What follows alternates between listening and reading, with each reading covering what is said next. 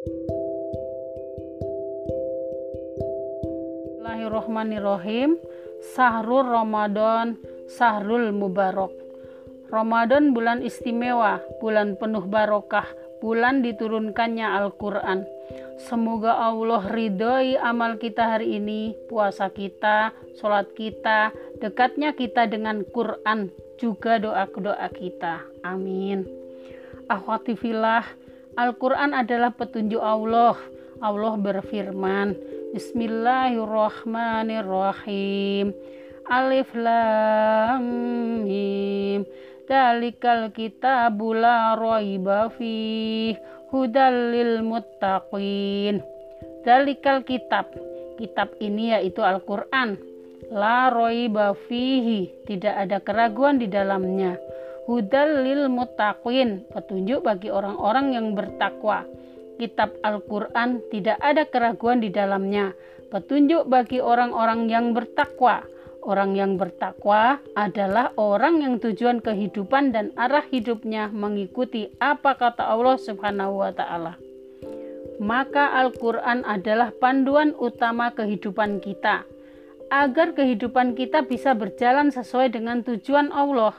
Andaikan kita menempuh perjalanan, tidak paham arah, dan tidak punya peta, di perjalanan juga tidak ada rambu-rambu arah.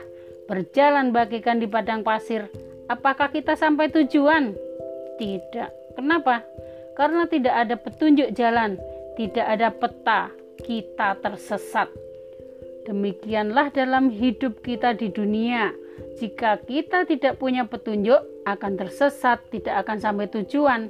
Dan ingat, Tujuan kehidupan kita bukan semata dunia, tapi lebih jauh dari itu, yaitu kebaikan dan kenikmatan akhirat kelak.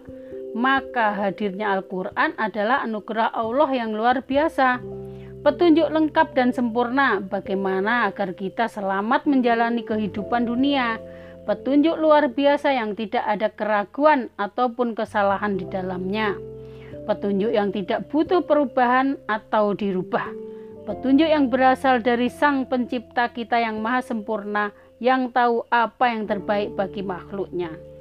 Maka seharusnya kita akrab dengan Al-Quran. Kita jadikan Al-Quran sahabat kehidupan kita. Kita baca setiap harinya, kita pelajari isinya agar tidak salah melangkah.